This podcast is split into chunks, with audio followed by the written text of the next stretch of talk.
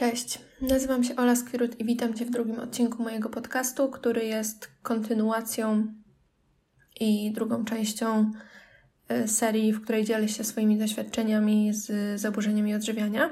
I ten odcinek będzie poświęcony bulimii sportowej.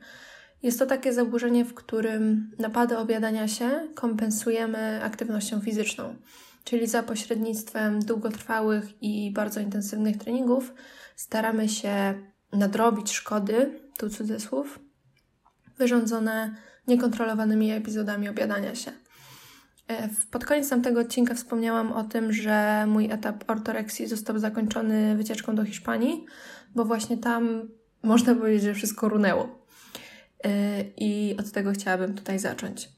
W momencie, kiedy wyjechałam na wycieczkę szkolną do Hiszpanii, mając 14 lat, tak mi się wydaje, 14 mm, albo 15, dałam sobie poniekąd takie przyzwolenie, że okej, okay, jedziesz na wycieczkę, nie codziennie będziesz miał okazję pojawić się w Hiszpanii i spróbować tamtejszych e, lokalnych przysmaków i dań, a ja generalnie bardzo, bardzo lubię jeść i bardzo doceniam różne smaki i chętnie smakuję i kosztuję nowych rzeczy i tak zostało do teraz i tak było odkąd pamiętam. Więc mimo tego, że miałam to zaburzenie i ono bardzo silnie dzieliło mi to jedzenie na dozwolone i niedozwolone, to gdzieś tam istniała we mnie taka część, która przy, przy okazji wyjazdów, jakichś weekendów ze znajomymi trochę odpuszczała.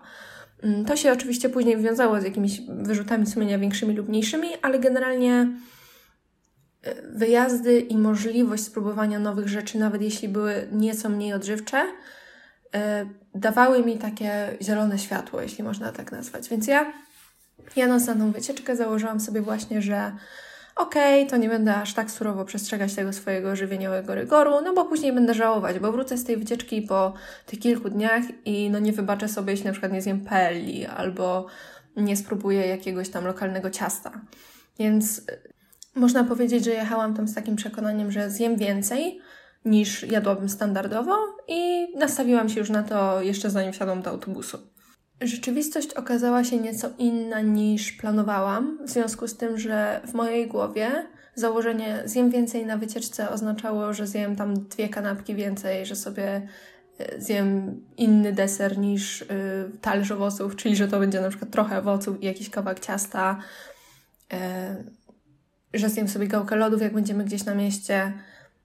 To było w mojej głowie większa ilość jedzenia. Natomiast rzeczywistość pokazała, że w momencie, kiedy ja zobaczyłam, jak dużo, jak dużo tam jest jedzenia i jak zróżnicowane to jest, bo mieliśmy śniadania i obiad kolację w formie bufetu, więc nakładasz talerz i chodzisz między stołami, nakładając sobie czego dusza zapragnie w ilościach zupełnie nieograniczonych i to ty decydujesz no, o tym, co i ile zjesz. I ja nie byłam przyzwyczajona do czegoś takiego, bo ja żyłam w tej swojej bezpiecznej bańce, w której ja robiłam sobie zakupy, kupowałam dokładnie to, czego potrzebowałam. To, co gdzieś tam miałam w domu i, i jedli, jad, jadła reszta mojej rodziny, niespecjalnie do mnie przemawiało niespecjalnie mi nawet smakowało, więc to nie stanowiło problemu. Natomiast w momencie, kiedy ja się znalazłam w otoczeniu przepysznych rzeczy, które po prostu oczami pochłaniałam, to cała ta moja zdolność do kontrolowania się znikła. I to tak totalnie mówię, że znikła, bo nałożyłam sobie jeden talerz, zjadłam. Pustka dalej. Przekon- po prostu poczucie, jakbym nie zjadła absolutnie nic. Zjadłam drugi talerz. No, coś tam, coś tam już zaczynam czuć, nie było tak źle. Z reguły te posiłki właśnie kończyły się na trzech talerzach pełnych jedzenia. I nierzadko było tak, że na przykład kończyłam śniadanie, szłam do pokoju i jadłam tam jeszcze 300-gramową czekoladę. Y, jeśli dobrze kojarzę, to to była Milka, bo generalnie wycieczki szkolne mają to do siebie, że wszyscy mają słodycze. Przynajmniej tak było, jak ja chodziłam do szkoły. Nie było to jakoś szczególnie dawno, więc nie sądzę, żeby za wiele się zmieniło. Abstrahując od tego, że mamy teraz pandemię i nie, do, nie chodzi się do szkoły.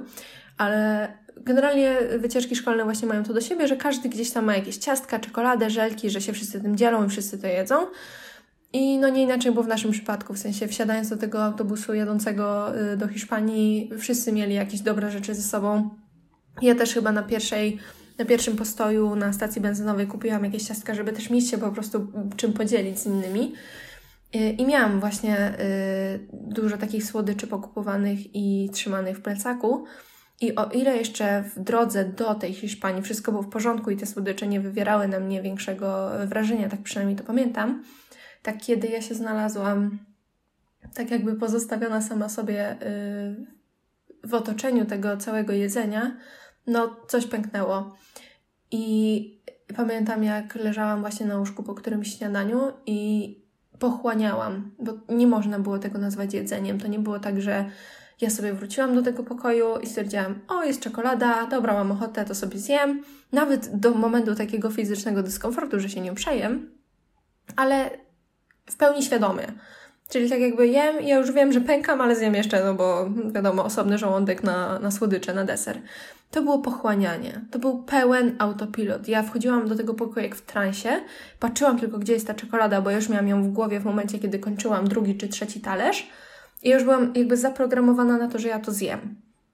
Nic innego nie wchodziło w grę. W sensie, w moim przekonaniu w tamtej chwili, nic innego nie wchodziło w grę. I leżałam na łóżku, jadłam tą czekoladę, pochłaniałam tą czekoladę i pamiętam, że właśnie weszły do pokoju dziewczyny, z którymi ja dzieliłam wtedy pokój.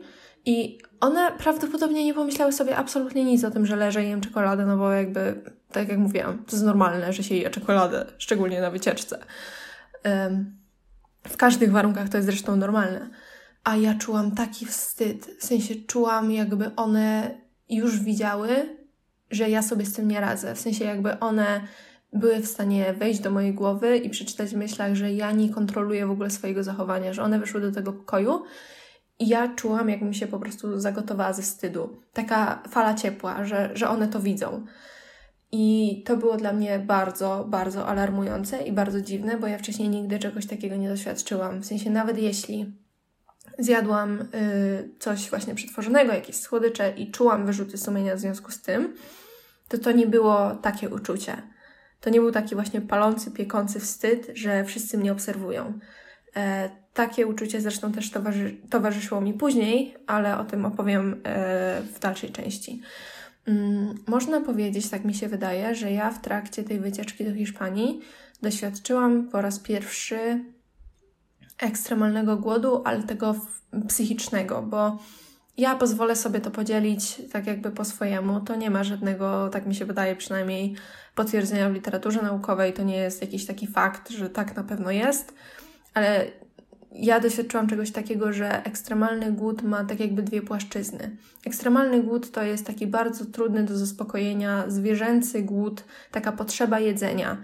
Y, I ona ma właśnie dwie płaszczyzny. Tą fizyczną, w której my jemy na przykład 8 kanapek i czujemy, że byś, mogłybyśmy zjeść kolejne 4 y, bez najmniejszego problemu, gdzie w standardowych warunkach, powiedzmy czysto hipotetycznie, wystarczało nam 4, to to doświadczając ekstremalnego głodu jemy 8 i one tak jakby przez nas przelatują. I to jest ten, ten fizyczny aspekt.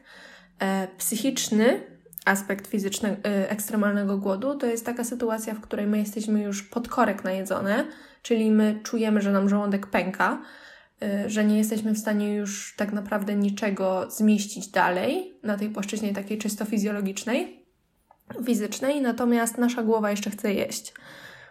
I właśnie czegoś takiego doświadczyłam w trakcie wycieczki do Hiszpanii, bo ta fizy ten fizyczny aspekt mm, ekstremalnego głodu był mi już znajomy na etapie ortoreksji. Ja chyba o tym nie wspomniałam, bo mi to umknęło. W każdym razie zdarzało się tak, że ja kładąc się spać czułam taką ogromną potrzebę jedzenia, że czasem szłam do kuchni robiłam sobie sześć kanapek. Ja już tego nawet nie wliczałam do aplikacji wtedy, bo to był etap liczenia kalorii, bo nie chciałam widzieć tych kalorii co wiem, że jest też częstym zabiegiem, bo wiele osób tak robi.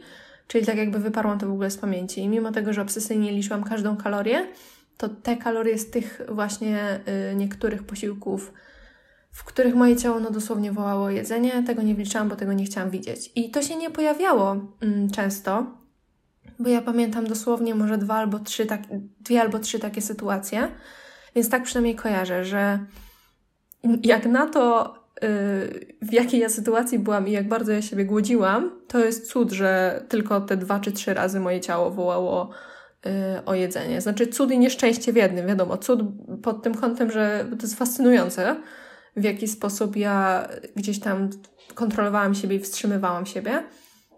Mm, a nieszczęście, bo gdyby ten, y, ta fizyczna część ekstremalnego głodu była bardziej wymowna i częściej bym tego doświadczała, to może by mi się szybciej zapaliła lampka, że coś jest nie tak i może szybciej bym z tego wszystkiego wyszła. W każdym razie, wracając do tej Hiszpanii, tam właśnie doświadczyłam pierwszy raz tej, tej mentalnej części, ponieważ ja byłam najedzona pod korek wielokrotnie, już tymi trzema, czterema, pięcioma talerzami w trakcie tych naszych śniadań i obiadu kolacji, a mimo to ja miałam tak ogromną ochotę dojeść czymś, właśnie jakimś deserem. Ale nie deserem na zasadzie wstanę i sobie pójdę do tej sekcji z ciastami i nałożę jeden kawałek jakiegoś ciasta francuskiego mm, z jakimiś owocami czy coś i będzie w porządku, tak jakby to na przykład było teraz, tylko to, była, to był deser w postaci właśnie takiej 300-gramowej czekolady, paczki ciastek, paczki żelek zjedzonych jedno za drugim. Jeśli oczywiście miałam to w pokoju, bo nie zawsze miałam. Albo wyprawa po jakieś słodycze z innymi. I tak jakby ukrywanie tego faktu, że ja muszę zjeść te słodycze, bo mogło być tak, że na przykład kończyliśmy obiad o kolację i umówiliśmy się ze znajomymi z jakimś tam opiekunem, że podchodzimy do sklepu, czy że idziemy gdzieś tam na lody na miasto. No i to jest po prostu deser. Jakby fajnie, jesteśmy w Hiszpanii, tu są pyszne lody, jemy je, jest ekstra. Ja dosłownie czułabym złość i agresję, gdybyśmy wtedy nie byli w stanie pójść po coś, na co na przykład wcześniej się umawialiśmy, Y, na co ja już się nastawiłam, albo czego właśnie psychicznie potrzebowałam już od powiedzmy godziny albo dwóch, bo tylko o tym myślałam. Albo nierzadko od samego rana, bo tak też mogło być. Wracając z tej wycieczki z Hiszpanii, przytyłam chyba 5 kilo, a ona trwała 7 albo 10 dni. Ja tak tylko dla powiedzmy lepszego zwizualizowania dodam, mam 1,63 m wzrostu. 5 kilo w tydzień czy 7 kilo, nie pamiętam. W każdym razie tak y, relatywnie istotny przyrost masy ciała. W sensie nie dało się tego nie zauważyć w tak krótkim czasie. I to jeszcze nie był przyrost masy ciała, który wynikał na przykład z zatrzymania wody w drugiej fazie cyklu, bo też się zdarza pewnie, że teraz mi masa ciała wzrasta o 2 czy 3 kilo, nie wiem, bo się nie waży od kilku lat, ale to jest zupełnie normalne. To są fizjologiczne zmiany, opuchnięcie to mija. W tamtym przypadku Oczywiście to też była retencja wody w pewnym stopniu, natomiast większość tego wynikała jednak z tych napadów obiadania się, których ja nie byłam w stanie e, skontrolować zupełnie. Wróciłam z tej wycieczki, stanęłam właśnie chyba na wagę, zobaczyłam, że no przytyłam.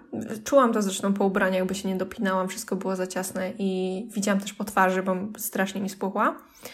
I powiem Wam szczerze, że to jest bardzo dziwne, ale ja nie kojarzę, żebym ja się wtedy jakoś przeraziła tym. W sensie ja sobie pomyślałam, że no dobra, wiem doskonale przecież z czego to wynika, no bo jadłam bardzo, bardzo dużo. Ja tego absolutnie wtedy nie nazwałam napadami żadnymi, mimo tego, że ja czułam zerową kontrolę nad sobą w tamtym okresie, to ja cały czas gdzieś z tyłu głowy miałam chyba przekonanie, że to jest tylko czasowe. W sensie to wynika tylko z tego, że jestem na wycieczce i jak wrócę do swoich standardowych warunków, to wszystko się unormuje i ja sobie wrócę do tej swojej bezpiecznej rutyny i zgubię te kilogramy i znowu będę fit, tak jakby, no nie? Tylko problem był taki, że ja nie byłam w stanie już wrócić do takiego mojego trybu funkcjonowania sprzed wycieczki. Ja nie byłam w stanie zmusić się do trzymania takiego reżimu żywieniowego, ja nie byłam w stanie jeść tego samego co przed wyjazdem nie byłam w stanie wrócić do tamtego życia. I z perspektywy czasu myślę, że to było błogosławieństwo i że to było ogromne szczęście, że to się wszystko załamało. Wtedy to był dla mnie dramat, ale tak sobie teraz myślę, że to mi właśnie otworzyło drogę do tego, żeby wyjść z tamtego piekła, bo gdybym ja wróciła do tego etapu ograniczania jedzenia, dzielenia go na dobre i złe, e, jedzenia tylko czysto i trenowania tak bardzo, bardzo regularnie i no obsesyjnie, to, to by była tylko kwestia czasu, kiedy ta bulimia sportowa by się pojawiła, więc ja się bardzo w sumie cieszę, patrząc na to teraz, że pojawiła się tak relatywnie szybko. Dlaczego nie potrafiłam wrócić do tego mojego um, reżimu żywieniowego sprzed wyjazdu? Bo głód, którego doświadczałam, był nie do opanowania. W sensie po tym powrocie ja próbowałam jeść ilości zbliżone do tych sprzed wyjazdu, to znaczy ja próbowałam robić owsiankę w ten sam sposób, ja próbowałam jeść. Um, łososia z ryżem i z brokułami w tych samych proporcjach co przed wyjazdem, ale ja się zwyczajnie nie byłam w stanie najeść tymi porcjami. I nie pamiętam, czy to była kwestia, że się nie potrafiłam najeść fizycznie, czy właśnie psychicznie. W każdym razie czułam ciągły niedosyt i mi to nie wystarczało. I przez to, że ja tak jakby odpaliłam taki pstryczek z tym jedzeniem słodyczy na wyjeździe, bo dałam sobie takie przyzwolenie, zielone światło, że masz, jedz, obiec się, yy, znaczy masz, jedz, obiec się. Ja sobie pozwoliłam jeść, a ja sobie nie pozwalałam wcale na te napady, ale tych napadów nie byłam w stanie zatrzymać, więc tak jakby powiedziałam sobie, że no okej, okay, skoro skoro już nie jestem w stanie skończyć jeść czekolady na przykład na jednym czy dwóch paskach, no to już nie będę próbować, bo i tak sobie z tym ewidentnie nie radzę, no to jak wrócę z tej wycieczki i już nie będę miała dostępu do takiej ilości słodyczy, no to się wszystko unormuje. Potrzeba jedzenia słodyczy, której wtedy doświadczałam, była ogromna, bo ten niedosyt po każdym posiłku nie dawał mi spokoju i ja myślałam tylko o tym, żeby zjeść coś słodkiego. Wydaje mi się, że właśnie ograniczanie słodyczy i demonizowanie głównie ich w etapie mojej ortoreksji przyczyniło się właśnie do tego, bo mm, oczywiście to istotną rolę odgrywają też preferencje smakowe, bo zawsze miałam takie ciągoty do słodkiego i dalej wybiorę zawsze lody czy czekoladę ponad chipsy czy jakieś frytki. W każdym razie ten niedosyt taki, którego nie dało się zaspokoić w tamtym moim odczuciu przynajmniej, yy, normalnymi, cudzysłów, porcjami słodyczy, czyli nie był w stanie mnie usatysfakcjonować batonik, tak jak teraz, nie był w stanie mnie usatysfakcjonować pasek czekolady, tak jak teraz, jedno, dwa czy trzy ciastka, tylko to musiało być dosłownie wszystko, co ja mam w zasięgu wzroku, sprawiało, że moje poczucie własnej wartości tragicznie spadło. I takie poczucie własnej skuteczności, taka moja samoocena poleciało w dół, bo tak jak wspomniałam w pierwszym odcinku, bardzo silnie, a może nie wspomniałam tego, nie pamiętam, w każdym razie ja bardzo silnie wiązałam poczucie właśnie własnej wartości i to, jak się ze sobą czuję, y, z tym, jak jem i jak trenuję, a raczej jak dużo, ile, jak często i tak dalej. Czułam się bardzo, ale to bardzo rozczarowana wszystkimi swoimi decyzjami i mi się wydawało, że te napady to jest tak jakby moja wina. Mm, ale o tym właśnie zaraz, do przekonań, które wtedy miałam, przejdę zaraz. Co było główną przyczyną w ogóle tych napadów i dlaczego one się pojawiły?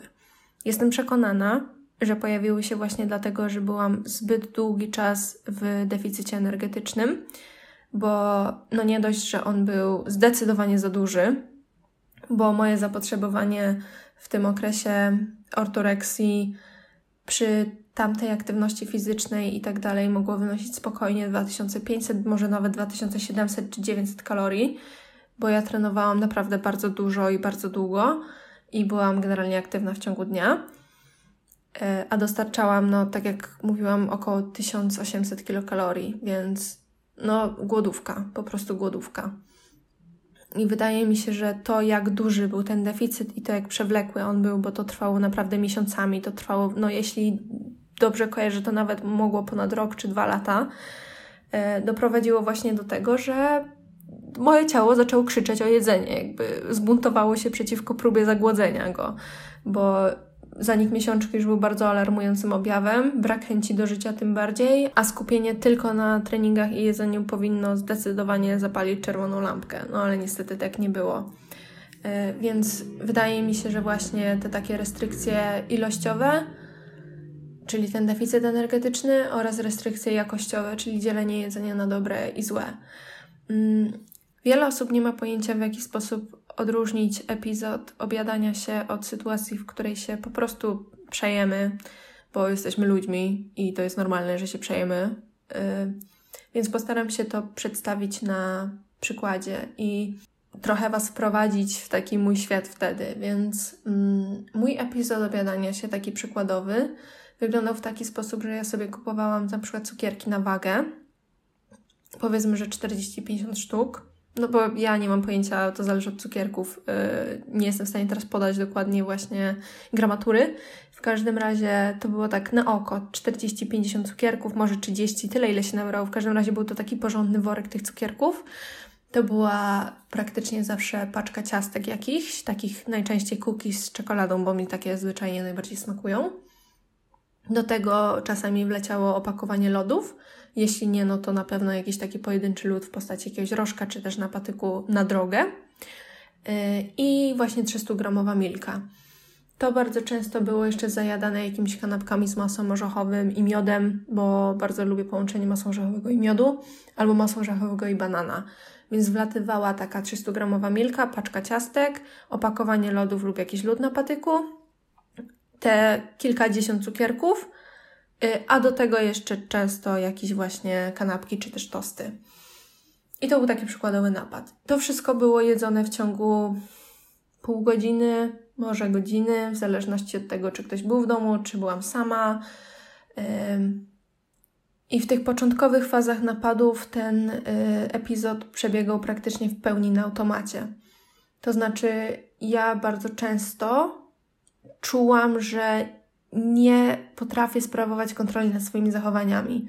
Bywało tak, że ja jeszcze idąc do sklepu po słodycze, już czułam wyrzuty sumienia i już czułam, że to jest coś nie w porządku dla mnie, że ja nie powinnam tego robić, że to jest złe, że będę żałować. I już byłam tego świadoma, a mimo to nie byłam w stanie, czułam, że nie jestem w stanie tego powstrzymać. Że tak jakby to nie ja idę do tego sklepu, to nie ja wybieram te rzeczy, to nie ja za nie płacę, to nie ja podejmuję te decyzje, że tak jakby coś mną steruje i że to była taka obezwładniająca wręcz potrzeba, że jeśli na nią nie zareagowałam, to mnie to wręcz wszystko tak fizycznie bolało. Dla osoby, która nigdy nie miała napadów, nigdy się nie borykała z takim zaburzeniem, z takim problemem, będzie to niezrozumiałe i w ogóle się nie dziwię, bo też prawdopodobnie nie byłabym w stanie tego zrozumieć. W każdym razie, jeśli jesteś osobą, która tego doświadczyła, to myślę, że wiesz doskonale o co chodzi. W temacie właśnie y, dokonywania zakupów i robienia y, zakupów słodyczowych czy też innych na napad. Wspomniałam wcześniej, że w tej sytuacji yy, na wycieczce w Hiszpanii w pokoju czułam taki właśnie piekący, palący wstyd, taki obezwładniający. W związku z tym, że jem tą czekoladę i że ja tak jakby na co nie panuję jestem przekonana, że inni to widzą. I właśnie za każdym razem praktycznie do, robiąc zakupy w sklepie, yy, kupując te wszystkie rzeczy, które później jadłam, nie rejestrując tego nawet, ja miałam wrażenie, że wszyscy widzą doskonale, co ja robię. To znaczy, że ja wchodzę do tego sklepu i wszystkie oczy są skierowane na mnie, że ja wybierając te słodycze z półki um, jestem oceniana przez innych, że osoba stojąca koło mnie, patrząca na mnie, już wie, co ja z tymi słodyczami zrobię. Że ja wrócę do domu, że ja wszystkie je wyrzucę na łóżko i że ja przystąpię do pochłaniania ich w takim tempie, że to jest no niemożliwe po prostu. I ja pamiętam to uczucie do dzisiaj, bo teraz jak sobie myślę o tym z perspektywy czasu, no to przecież nikt nie miał pojęcia, co ja wtedy robię. Nikt nie patrzył na mnie w ogóle źle czy krzywo. To, co ja sobie tam kupuję, co ląduje w moim koszyku, to jest tylko moja sprawa. To, co sobie też ktoś pomyśli, to jest oczywiście rzecz, na którą ja zupełnie nie mam wpływu. Ale wtedy czułam się maksymalnie oceniona przez to, że ja sama tego sobie myślałam. W sensie, że to jakby ja oceniałam siebie i wydawało mi się, że inni robią dokładnie to samo. Hmm. I co czuje w ogóle osoba w trakcie napadu? Hmm. Nie mogę mówić ze wszystkich, bo każde doświadczenie z zaburzeniem i odżywienia jest nieco inne. W każdym razie ja w tych początkowych etapach, yy, kiedy to właśnie była bulimia sportowa, kiedy ja to wszystko kompensowałam, yy, to był pełen autopilot. To znaczy, ja czułam tą taką zwierzęcą potrzebę rzucenia się na jedzenie i ja to po prostu robiłam. Ja się tak jakby poddawałam tej potrzebie i bardzo często zdawałam sobie sprawę z tego, co się stało dopiero po fakcie. Czyli, czyli tak jakby było mi przyjemnie, jeśli mogę to tak nazwać, przez krótki okres czasu. Czasami nawet nie rejestrowałam tego, i dopiero później wracałam do siebie, zdając sobie sprawę z tego, co się stało, mając do siebie ogromne wyrzuty sumienia, nierzadko płacząc i czując taką ogromną bezsilność. Doskonale też pamiętam taki jeden, taką jedną sytuację, w której byłam u koleżanki i gdzieś tam też jadłyśmy właśnie razem słodycze, po prostu sobie coś oglądałyśmy razem jadłyśmy słodycze. I ja wracając od niej do domu, wstąpiłam właśnie do sklepu i kupiłam sobie ten worek takich moich ulubionych cukierków. To były takie krówki e, pakowane w takie czarno-białe, taką czarno-białą folię władki. I nie wiem, z czego to nawet było. W każdym razie one były takie ciągnące się. I takie czekoladki bardziej nawet niż cukierki. I kupiłam sobie właśnie worek tego i czekoladę oczywiście jakąś tam większą. Wróciłam do domu, zjadłam to znowu e, w pośpiechu, w popłochu w ogóle. I było mi tak fizycznie niedobrze, bo ja tego dnia dostarczyłam, no nie mam pojęcia ile, ale kilka tysięcy y, kalorii z słodyczy. Naprawdę bardzo, bardzo dużo zjadłam. Bolał mnie brzuch. Miałam ogromne wzdęcia, bo o tym też nikt nie mówi, ale napady obiadania się mają skutki uboczne, do, do których zaraz przejdę. I było tak mnie bolał brzuch, tak ogromnie bolał mnie brzuch. Y, I myślałam, że mi pęknie, że nie byłam w stanie nawet leżeć na łóżku, bo nie miałam jakby takiego stabilnego podłoża pod kręgosłupem, pod plecami. Nie wiem, jak to nazwać do końca. W każdym razie bolało mnie leżenie na łóżku i musiałam się położyć dopiero na ziemi, żeby móc tak jakby ulżyć sobie w tym cierpieniu, do którego doprowadziłam przejadaniem się. I ja pamiętam, bo to było dla to, to mnie tak uderzyło, bo ja leżałam wtedy na tej ziemi yy, w pokoju. Ja sobie chyba wtedy nawet zgasiłam światło, żeby nikt do mnie nie wchodził, żeby nikt tego nie widział. Yy, chyba chciałam, nie wiem, udawać, że śpię czy coś. I tak popatrzyłam w sufit i mi zaczęły cieknąć yy, łzy z oczu, bo tak sobie pomyślałam, Jezus dziewczyno, co ty ze sobą robisz? W sensie, do czego to zmierza? jeśli ty jesteś w stanie na własne życzenie doprowadzić się do takiego stanu, w którym ty się nie możesz ruszyć, nie możesz się ruszyć z miejsca. I to mnie wtedy jakoś tak i to mi wtedy tak jakoś mm, otworzyło trochę oczy, to znaczy to mną tak wstrząsnęło, bo to dalej nie doprowadziło mnie do żadnego rozwiązania, bo ja nie miałam wiedzy odnośnie tego, co się ze mną dzieje i to, że ten problem jest powszechny i że istnieją jakieś środki zaradcze, ale pamiętam, że to było takie właśnie wstrząsające yy, mocno, że jak to jest w ogóle możliwe, że osoba, która tak ogarniała wszystko do tej pory, była w stanie tak sobie zorganizować to życie. Naprawdę, sprawować kontrolę nad wszystkim, na czym chciała, robić wszystko to, co chciała. Nie jest w stanie poradzić sobie z tak błahą rzeczą jak jedzenie, nie jest w stanie na tym zapanować. Tak tutaj sprostuję, że jedzenie w ogóle nie jest błahą sprawą i to, że sobie nie radzimy w tej kwestii jest zupełnie normalne i to też jest wskazanie do szukania pomocy. To nie jest tak, że jedzenie jest czymś takim, z czym powinnyśmy sobie móc poradzić same. Yy, i że to w ogóle nie wymaga jakichś większych środków zaradczych, że to nie wymaga szukania pomocy, bo wymaga. Ja sobie po prostu tak wtedy myślałam i żałuję, że tak myślałam. Mm. Jak wyglądało kompensowanie napadów? U mnie wyglądało to w taki sposób, że jeśli tylko dałam radę się ruszać po napadzie, bo nie zawsze tak było, to szłam albo na jakiś dłuższy spacer, żeby to po prostu rozchodzić, i wracałam i ćwiczyłam. I to było bardzo często rowerek stacjonarny, bo miałam taki w mieszkaniu, więc siadałam na niego i na przykład kręciłam dwie godziny i to tak kręciłam bardzo intensywnie i ja wtedy jeszcze przekonana, że im więcej się pocę, tym więcej kalorii spalam, zakładałam bluzę z kapturem, taką grubą, żeby się wypocić jak najbardziej. E, jeśli tego słuchasz, to wiedz, że to nie jest tak, że im bardziej się pocisz, tym więcej kalorii spalasz. Często jest wręcz przeciwnie.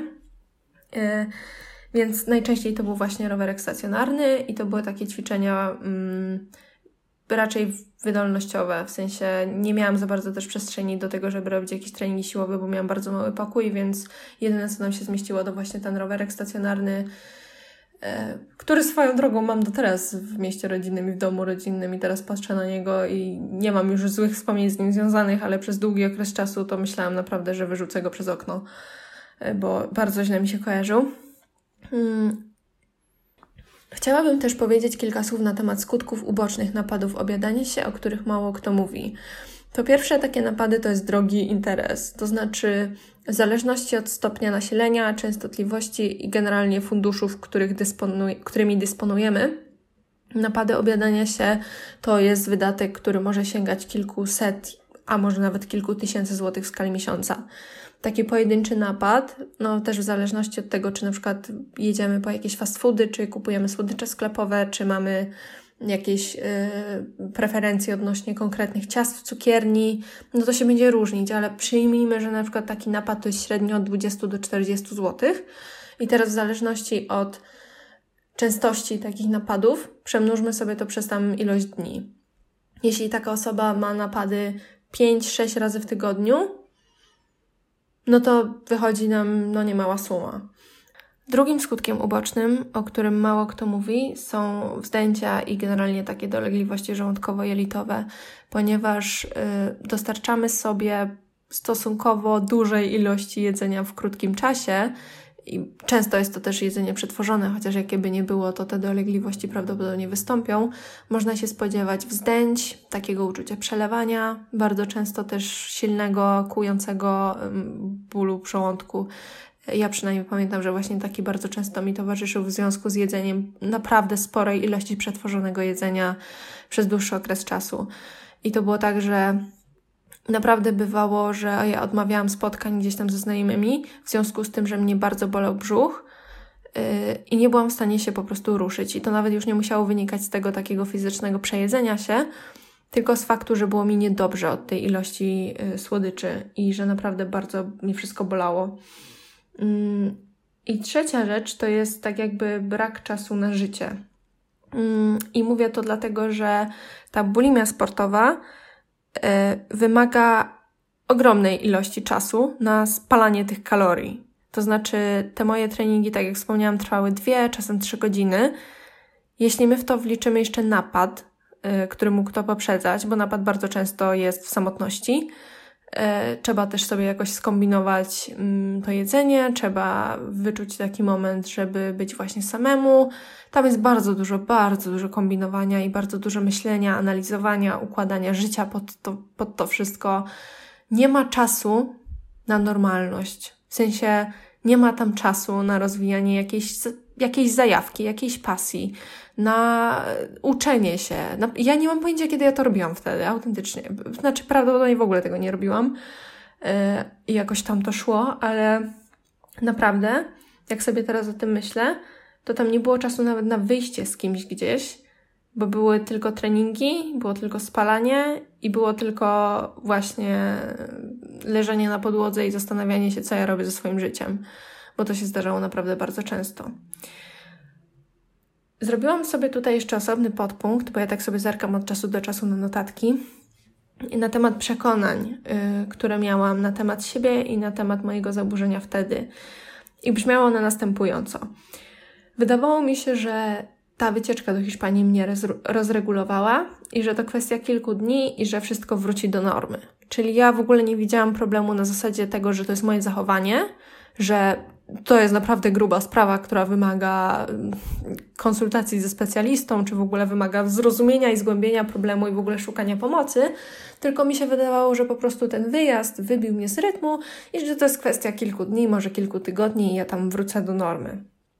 Drugie, drugie przekonanie, jakie miałam, to to, że brakuje mi silnej woli i że nie jestem już tak zdyscyplinowana jak kiedyś, przez co mam te napady. W sensie ja totalnie nie łączyłam kropek i ja dalej tak jakby starając się, znosząc efekty mm, tych napadów, byłam przekonana, że to wynika z braku mojej silnej woli, że to nie jest mój instynkt przetrwania, który mi krzyczy jedz, bo się głodziłaś i jedz, bo musisz teraz unormować w ogóle odczuwanie jakiejkolwiek sytości i odzyskać zaufanie do siebie względem jedzenia, tylko mi się wydawało, że to jest kwestia dyscypliny, że jak ja się wystarczająco mocno zaprę i jak ja wystarczająco mocno się zmobilizuję do działania, do trzymania tego mojego rygoru, to że będzie w porządku. Tylko coś mi to jeszcze nie szło.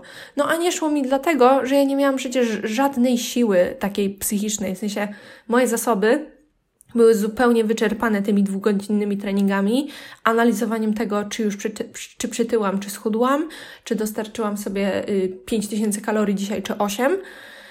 Nie było tam w ogóle przestrzeni na to, żeby spojrzeć racjonalnie i trzeźwo ocenić tą sytuację.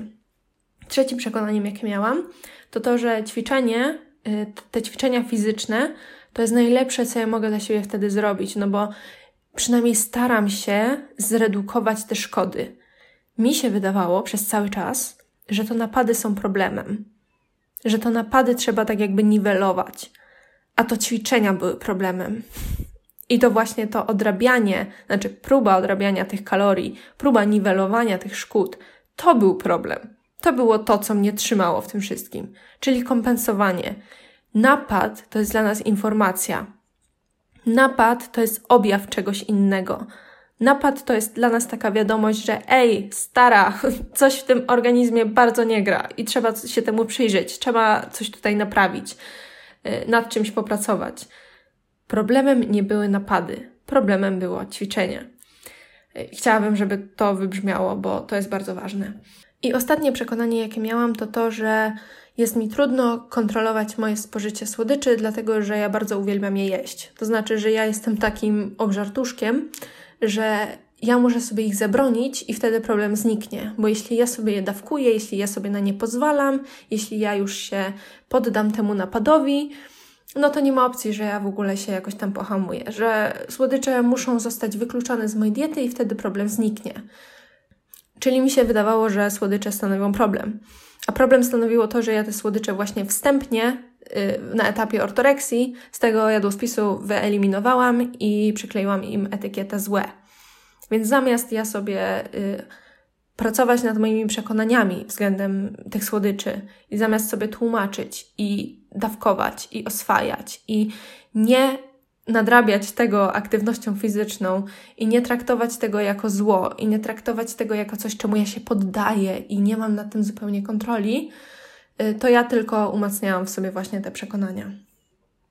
Jak zakończył się etap mojej bulimii sportowej? Etap bulimii sportowej nie zakończył się niestety świadomie, bo bardzo chciałabym, żeby to było tak, że ja wtedy wszystko zrozumiałam, połączyłam fakty i świadomie naprawiam swoje relacje z jedzeniem. Nie. I przez to, że to nie było świadome, to było jakby dodatkowo trudne dla mnie, y, ponieważ etap bulimii sportowej przekształcił się w już tylko kompulsywne obiadanie się, które było ostatnią prostą, w momencie, w którym ja już nie miałam dużej sił nadrabiać aktywnością fizyczną. To znaczy, już się w którymś momencie wypaliłam. Tak samo jak po etapie ortoreksji wypaliłam się, jeśli chodzi o kontrolowanie siebie względem jedzenia. Tak tutaj wypaliłam się, jeśli chodzi o kontrolowanie się względem aktywności fizycznej. Zabrakło mi już po prostu sił, zabrakło mi zasobów do tego, żeby zmuszać się do treningu po raz kolejny, żeby siedzieć na tym nieszczęsnym rowerku dwie godziny następny dzień z rzędu. Po prostu to, to już było tyle. Tu, tu już mi zabrakło wszystkiego. Zabrakło mi się na to, żeby kolejny dzień z rzędu wsiadać na ten nieszczęsny rowerek i kręcić dwie godziny cardio. I jak zauważyłam, że sytuacja się trochę poprawia, kiedy ograniczyłam tą aktywność fizyczną, to te kropki się tak bardzo, bardzo, bardzo powoli zaczęły łączyć. Ale o tym opowiem właśnie w ostatnim, już trzecim odcinku dotyczącym stricte tematu y, kompulsywnego obiadania się. Bardzo Ci dziękuję za wysłuchanie tego odcinka. Jeśli jesteś ciekawa tego, jak się skończyła y, moja y, przygoda z zaburzeniami odżywiania, to zapraszam Cię do odsłuchania następnego. Do usłyszenia.